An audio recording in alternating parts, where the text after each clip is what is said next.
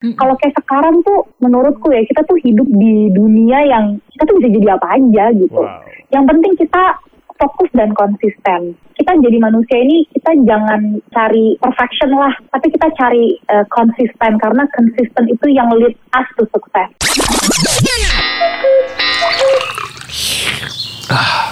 Ngopi yuk, ngobrolin profesi.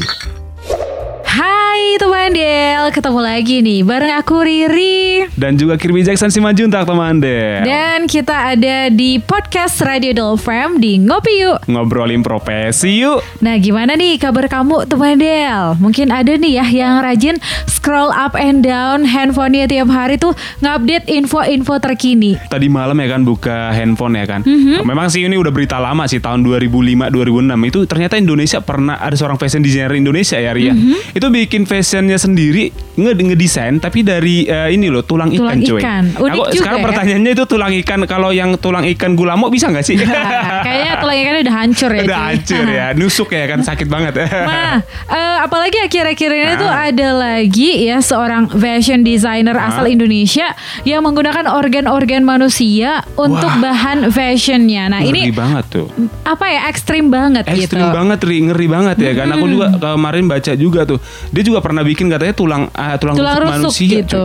Tuh, ah, jadi kita pengen tanya nih walaupun mungkin gak detail-detail amat, tapi kita mau tanyain dari eh, persepsi seorang fashion designer. Expertnya tapi bukan dong. bukan yang tadi kita bicarain ya. Ini Iya. yang berbeda nih. Mm, benar, Ada benar. Kak Jenahara Nasution, seorang fashion designer.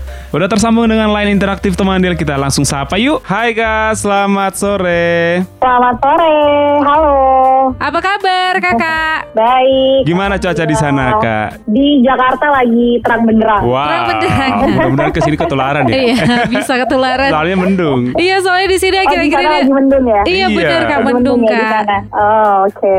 Kak Jena, kita langsung eh, pengen eh, tanya tanggapan kakak tuh eh, terkait ke yang Boleh. kemarin ya, yang eh, berita yang lagi Hmm, marak lagi rame banget, gitu lagi kan. rame ya Ria. Yang seorang fashion designer yang menggunakan organ dan juga tulang rusuk manusia dan ini benar-benar eh, menuai banyak kontroversi ya. Benar. Nah, gimana tuh tanggapan kakak tuh? Iya, aku sih gini ya, maksudnya Hmm? em, kita sebagai fashion designer gitu ya, pastinya kan setiap desainer tuh punya ciri khas, Mm-mm, ya benar. kan, punya apa ya, punya eh, statement yang ingin disampaikan lah untuk customernya Hmm. atau misalnya untuk orang yang mau membeli produk kita gitu kan. Mm-mm. Selalu kita sebagai seorang desainer kan pengen punya ciri khas yang lain dari yang lain gitu. Untuk Oke. itunya sih sebenarnya nggak masalah ya kalau aku bicaranya secara general gitu. Tapi ya memang eh, agak ekstrim ya Iya, kalau memakai organ gitu kan. Ah. Karena menurutku eh apa ya? Menurutku tuh fashion itu kan sesuatu yang sebetulnya kalau bisa sih yang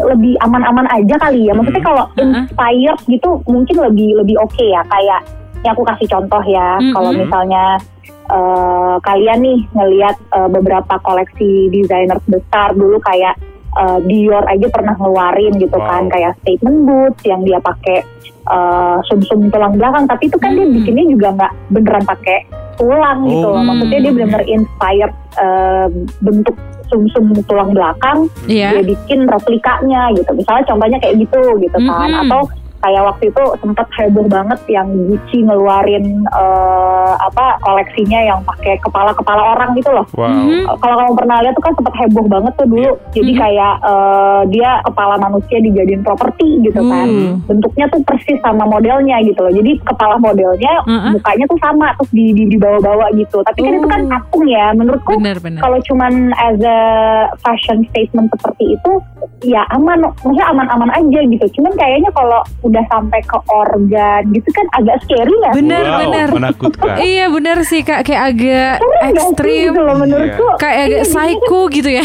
kayak ya ya itu kan eh, ya semua orang pasti punya pendapatnya masing-masing ya. Cuman Mm-mm. menurut aku, buat aku personal sih itu kayak nggak ethical aja sih. Kalau aku ya ngelihatnya itu kurang ethical lah gitu. Sebagai seorang kita kan inventor ya, desainer tuh inventor gitu. Eh, Mm-mm. kita itu kan ciptain tren gitu kan. Maksudnya Mm-mm. jangan sampai ketika kita menciptakan tren kita tuh malah memberikan eh, something yang Scary nggak baik gitu gitu ya. loh ke ke masyarakat gitu. Kalau aku sih mungkin ke situ sih. Iya ya. Tapi memang eh, kalau idenya mungkin buat orang tertarik dia Udah udah, dapet, dapat kali udah ya kak ya. benar. Cuman caranya Iya. tuh terlalu ekstrim ya. Iya. Iya makanya yang tadi aku bilang kan sebagai desainer sebenarnya sah-sah aja gitu ya kalau mereka tuh ingin membuat sebuah statement fashion gitu kan Mm-mm. atau misalnya pengen menunjukkan ciri khas yang bagaimana supaya bisa diomongin orang, Iya. dilihat orang, jadi daya tarik tersendiri itu sebenarnya sah-sah aja gitu ya. Mm-mm. Tapi kan yang jadi nggak ethical itu kan ketika itu tuh udah pakai ya maksudnya kalau kayak pakai organ tubuh itu kan Iya. kayaknya agak ekstrim aja Iya, gitu. Bener, Kayak, bener. Benar, benar, benar.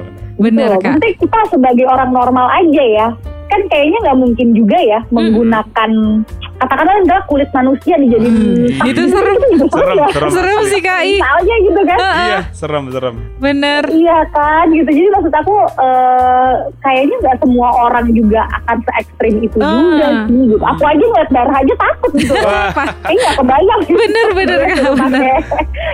eh, iya ya sih. kan, Bener. dari tulang Bener, gitu bener. udah agak serem duluan gitu. Mm, itu tulang Kayak siapa gitu. gitu, Iya, ya. Serem sih kak. Iya, gitu loh. walaupun walaupun kan di statementnya dia bilang nih ethical karena eh, ya mungkin ada izinnya atau apa tapi tetap lah itu kan kayaknya nggak etis ya Iya, bener. maksudnya itu kan aku, aku ngerasa ya yang sah-sah aja makanya tadi aku kasih perumpamaan kayak beberapa kayak si Dior kayak Gucci kayak Benar, gitu benar. sih Terus untuk seorang fashion designer sendiri, ini kayak tahap pendidikannya itu gimana ya kak? Kita kepo siapa tahu Iya nih dong. ada teman Del yang lagi dengerin kita tuh berbakat sebenarnya di bidang fashion gitu iya kan? dong. Iya, kalau aku gini ya, aku tuh ngerasa fashion itu kan luas ya. Maksudnya em, fashion itu bisa diimplementasikan ke mana pun gitu. Hmm. Eh, karena eh, balik lagi itu kan eh, ketika kita bicara fashion itu eh, something yang imajinatif lah. Bagaimana kita memikirkannya nih si pelakunya gitu. Mm-mm. Jadi buat aku sih selama kita bisa apa ya mengubah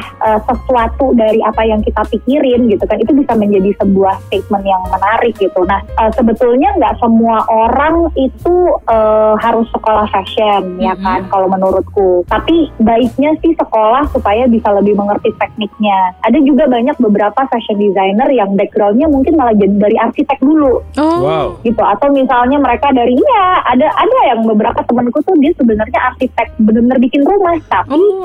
eh, ketika dia mencoba untuk eh, apa ya eh, membuat sebuah karya gitu ya karyanya tuh sistematis gitu loh kayak dia biasa ngegambar eh, buat rumah gitu kan Hmm. jadi lebih precise gitu loh kayak gitu-gitu nah itu tuh sebenarnya jadi ada nilai plusnya gitu nah Hmm. jadi menurutku sih kalau misalnya menjadi seorang fashion designer itu lebih ke bagaimana imajinasi kita itu bisa kita tuangkan menjadi sebuah karya sih Wow. dan itu kan sebetulnya eh, apa pun ya kan yang namanya imajinasi itu nggak boleh dibatasin ya. Kan kita bisa melihat segala hal tuh menjadi inspirasi gitu. Nah bagaimana Hmm. caranya kita aja. Nah kalaupun emang merasa harus oke kayaknya aku harus belajar eh, bikin patron deh gitu kan Hmm. supaya aku bisa mengerti nih teknik untuk membuat baju seperti apa gitu. Ya nggak nggak masalah gitu mau sekolah yang formal atau yang informal bahkan ngelihat di YouTube aja juga bisa gitu kan itu kan Hmm. lebih ke skill ya sebetulnya Benar-benar. Benar. gitu loh. Jadi aku ngerasa ya harus belajar sih. Itu juga harus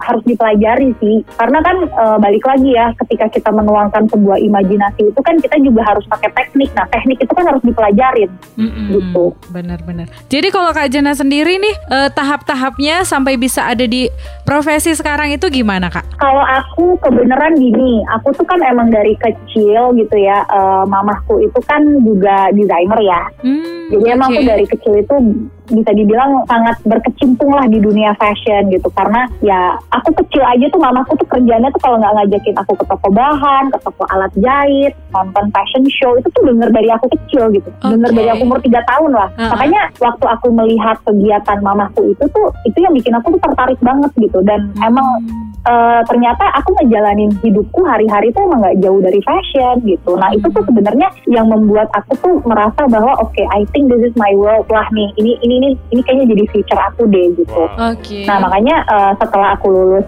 SMA itu aku langsung ngambil sekolah fashion design kan. Mm-mm. Dan aku juga nggak ngambil lama-lama. Terus abis itu aku ngambil beberapa course di luar gitu kan. Jadi menurutku tuh eh, ketika aku mengambil si course itu atau sekolah itu, itu aku lebih belajar ke teknisnya. Tapi seiring dengan perjalanannya waktu gitu, aku benar belajar mengenai apa ya teknik ngedesain, terus cari inspirasi itu datangnya dari mana gitu kan Mm-mm. itu benar-benar aku rasain rasain since I was a kid gitu loh. Oh, Jadi oke. apa yang selama ini aku believe, apa yang selama ini aku suka, apa yang selama ini membuat aku menjadi seperti Janahar yang sekarang itu aku coba tuangin di koleksi aku gitu. Dan itu pun juga semua di- dilakukan dengan trial and error gitu. Jadi kalau misalnya ditanya stepnya kayak gimana, sebetulnya yang paling pertama tuh kita harus punya passionnya dulu sih gitu loh. Maksudnya apakah passion itu adalah passion kita? Mm-mm. Kalau aku kan emang bener-bener udah ngerasa itu udah jadi bagian dari dalam hidup aku kan. Mm-mm. Kayak melakukan ini sebagai profesi atau enggak, passion itu udah jadi passion aku gitu loh dari aku kecil gitu. Makanya eh, ketika aku akhirnya turn this into my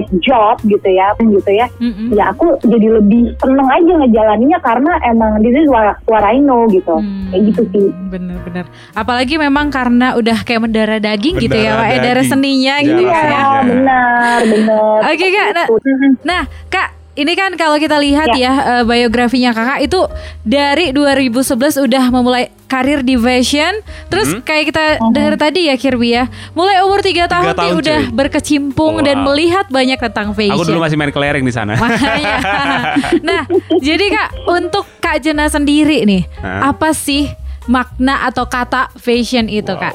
Oke, fashion itu buat aku is a trend. Tren. Jadi uh, fashion itu iya, fashion is a trend ya, uh, yang datang dan pergi.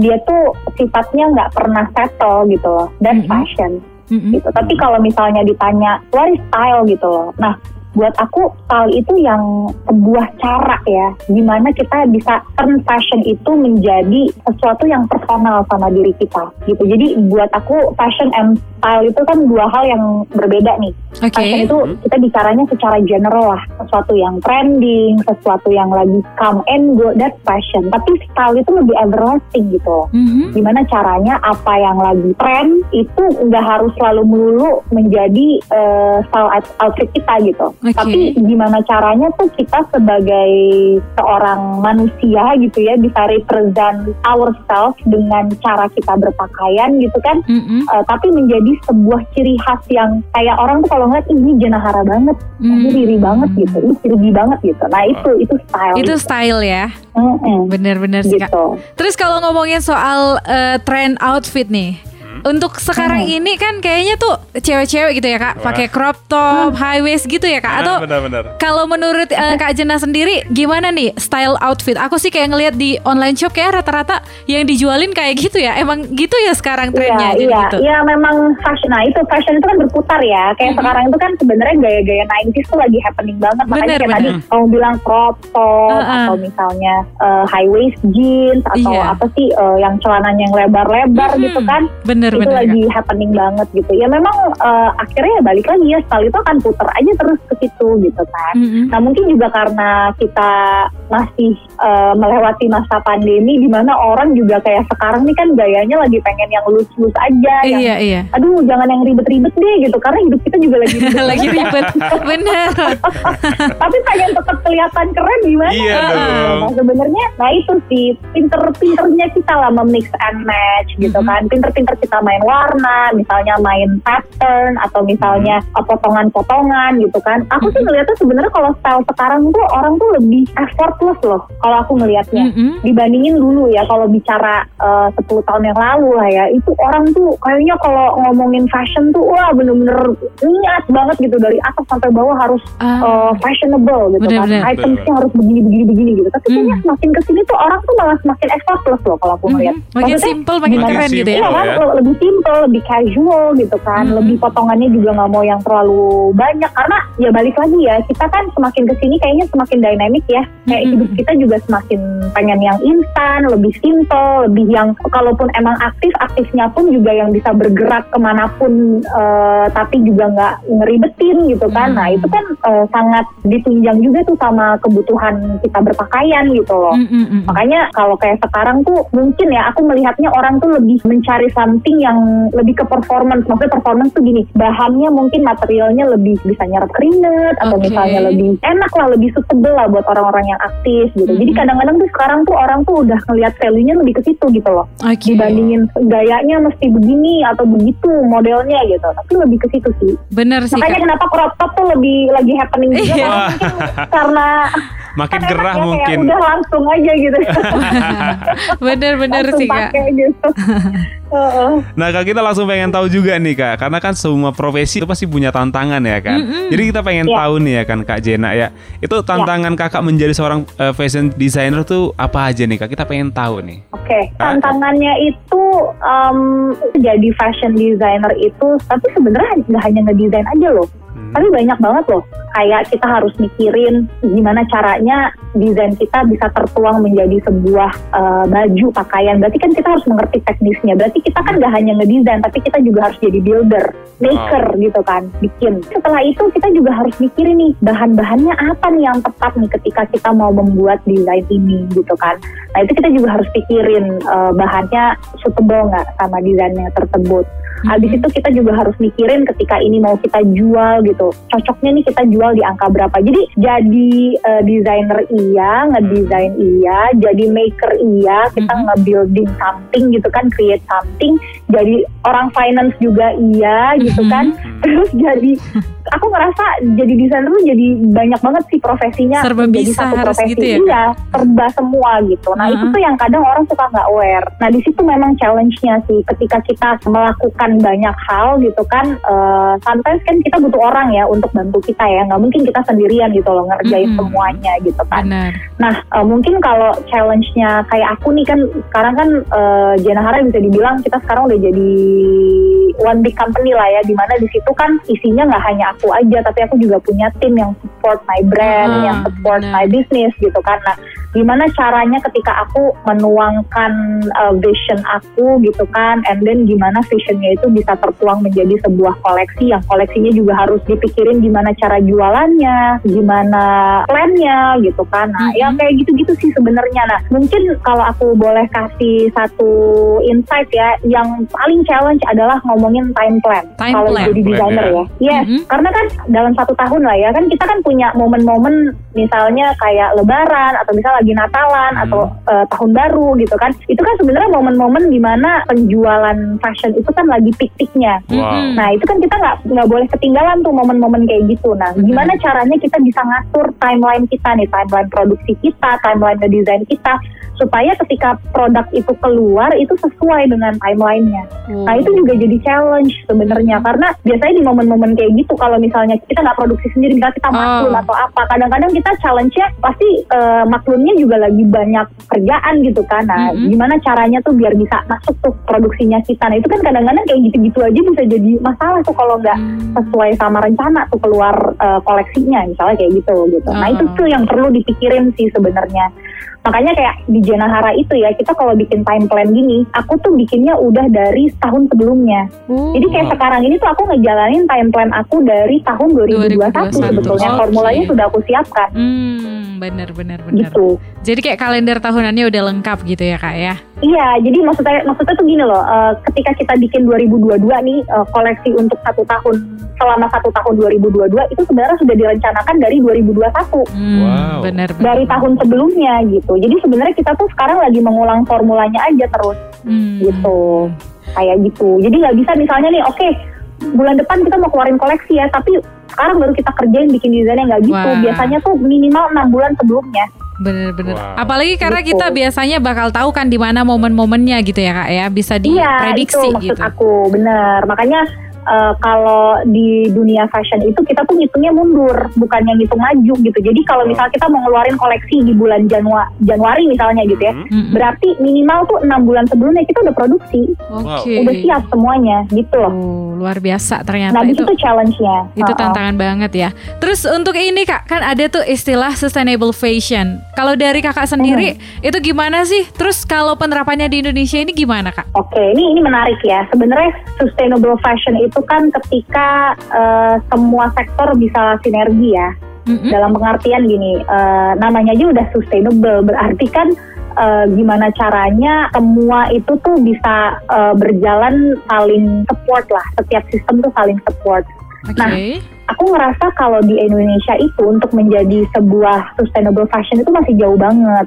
Mhm. Kenapa aku bilang masih jauh? Karena ketika kita bicaranya sustainable fashion gitu kan itu kan sama lah ya eh, dengan ethical fashion gitu ya. Oke. Itu tuh ibaratnya gini loh. Kita harus lebih mindful dengan apa yang kita kerjakan. Dalam arti gini, misal nih kita pakai baju, Mhm.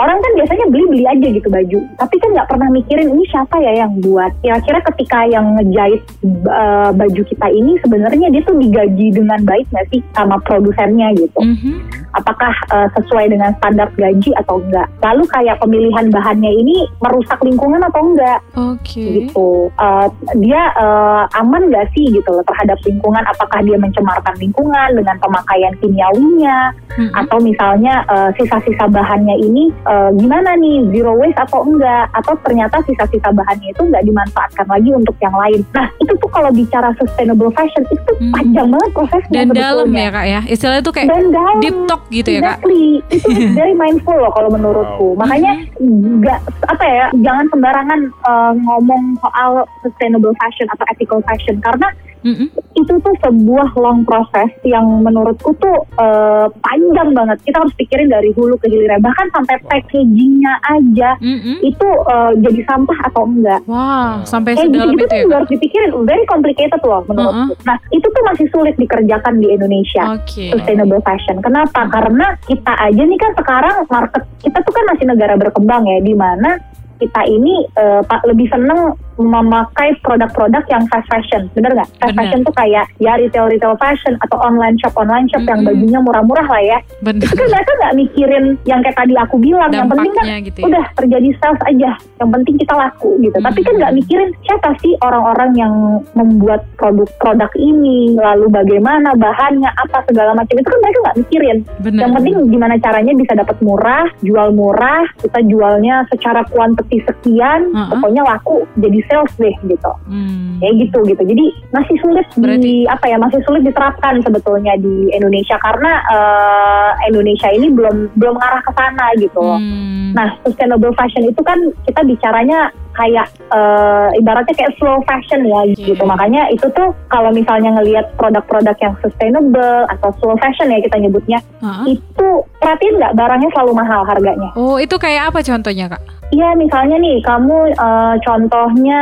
mungkin yang sustainable fashion kayak si Stella McCartney lah ya. Kalau brand besar ya, Stella Oh. McCartney itu kan dia udah sustainable fashion ya. Dia tuh udah nyebut slow fashion. Dia nggak memakai kulit, pak. Eh, dia tuh selalu, iya dia dia dia nggak mau pakai kulit Oke. leather gitu ya, Eh, Uh-huh. real le- leather dia nggak mau. Tapi dia bikin sendiri bahannya. Oh. Terus ya pasti harganya mahal gitu kan. Mm, mm, mm. Terus udah gitu apa ya mungkin kalau di Indonesia itu yang slow fashion atau ethical fashion sebenarnya udah mulai banyak sih brandnya gitu. Tapi eh, mungkin kayak pengerjaan atau eh, bahannya itu tuh pasti beda gitu loh. Hmm. kayak eh, aku kemarin baru kenalan gitu ya sama satu orang gitu ya. Ini ini agak keluar dari konteks Oh, ya tapi oke, oke. eh, bahan yang dia gunain itu dia ngegunainnya pakai hem hem hem itu tuh eh, apa ya em, dia bukan dia bukan marijuana ya. Tapi dia se, se- semacam eh, satu satu inilah satu family lah gitu. Cuman Hmm. Eh, si apa ternyata si ham itu gitu ya eh, bahannya itu tuh eh, jadi kalau misalnya dia dibuat jadi bahan dia tuh lebih awet Oh. gitu loh. Oh, oke. Eh, oke. bahannya tuh lebih awet dan lebih bagus gitu karena kan eh, ini ya apa eh, natural kan natural ingredients kan Hmm. dan kalau misalnya natural ingredients itu kan em, apa ya maksudnya kayak penggunaan waktu pas kita produksi gitu ya kita membuatnya itu tuh dia nggak menggunakan air terlalu banyak nggak mencemari lingkungan gitu karena kan biasanya yang namanya produksi-produksi terutama kita memproduksi bahan ya itu kan banyak menggunakan kimiawi ya Bener. nah kimiawi itu kan mencemarkan lingkungan gitu loh Hmm. kayak gitu-gitu. Oke, slow fashion itu eh, yang paling gampang ya. eh, ini kita aja pekerja apa eh, produk-produk Hmm. tradisional kita kayak batik, Oh. kayak Ulos mungkin ya, eh, kain Benar, apa benar. eh, kain Ulos. tongket. Iya, iya, Nah, iya. itu tuh kan slow fashion. Dikerjakannya kan satu-satu. Ya kan pewarnaannya Langsung pakai tekniknya tangan, kan nggak pakai natural, mesin pakai gitu ya. tangan Benar, gitu. benar. Makanya harganya mahal.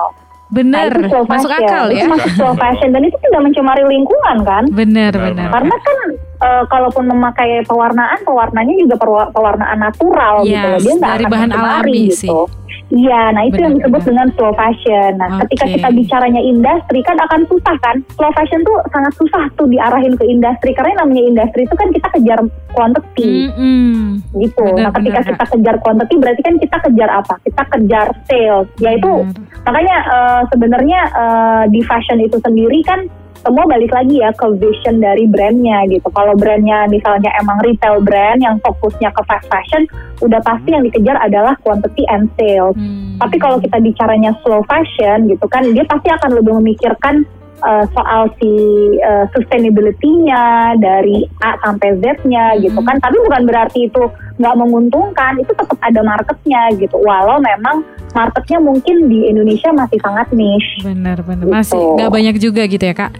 Eh, Iya. Nah, Kak. ini, nah pesan kakak nih buat teman Del eh, yang lagi bingung eh, untuk menentukan dream job mereka tuh seperti apa nih kak? Iya, pesanku buat temen Del ya, a- aku ngerasa gini di di masa seperti sekarang nih ya, kan kita bisa lihat ya bahwa dunia ini sebenarnya udah berbeda loh dari aku dulu aku waktu kecil. Yang mana namanya profesi itu tuh something yang kayaknya hubungannya harus yang sifatnya tuh degree lah harus kayak harus yang apa ya misalnya kita jadi PNS lah harus jadi dokter lah harus jadi apalah gitu. Mm. kalau kayak sekarang tuh menurutku ya kita tuh hidup di dunia yang kita tuh bisa jadi apa aja gitu yang penting kita fokus dan konsisten gitu nah makanya eh, buat aku eh, ke teman-teman Del gitu ya Mm. eh, kita kita jadi manusia ini kita jangan cari perfection lah tapi kita cari eh, konsisten karena konsisten itu yang lead us to success Hmm. kalau Yes, perfect yes. kalau kita cuma pengen cari perfection gitu kita tuh nggak akan bisa eh, apa ya nggak akan bisa ngehargain eh, effort kita ketika kita gagal benar. tapi benar. kalau kita tetap konsisten gitu kan Uh-uh. kegagalan itu kita jadikan pelajaran tapi kita tetap konsisten terus sama apa pun yang kita lakukan percaya deh gitu apa pun profesi yang kita lakukan kita akan itu bisa ngelit kita untuk menjadi sukses Asik. Itu aja sih. Asik, Thank you mantap banyak banget. kakak udah Sama-sama. share. Terima Oke. kasih Kak Jena. Iya thank you so much Oke, sehat-sehat ya Sehat-sehat kak. ya Kak. iya kalian juga ya sehat-sehat Amin, sana. siap Kak. Bye-bye. Bye-bye. bye Nah gitu dia tuh obrolannya seru banget ya. Seru banget Ri, apalagi Seru. kata-kata dari Kak Jena tadi yang aku ingat ya kan. Aha. Ternyata konsisten itu yang bakal ngelit kita menuju kesuksesan. Asia. Ya Ini kayak eh, savage banget ya Bener kata-katanya. banget. Nah jadi itu Wendel mudah-mudahan nih kamu udah terinspirasi lewat Mm-hmm. obrolan kita di Ngopi Yuk hari ini. Yep. eh, bersama dengan seorang fashion designer. Tapi kalau misalnya nih kamu punya rekomendasi profesi apa gitu yang mau kita ajakin ngobrol boleh banget ya. Boleh banget kamu langsung infoin ke kita aja teman Del di nomor WA kita di 0811 6219924. Dan aku Riri Manulang. Dan aku Kirby Jackson Simanjuntak. Sampai ketemu ya di podcast Radio Del yang berikutnya. Bye. Nyantai di sore hari emang paling pas buat ngopi, ngobrolin profesi. Cuma di Danatoba Show.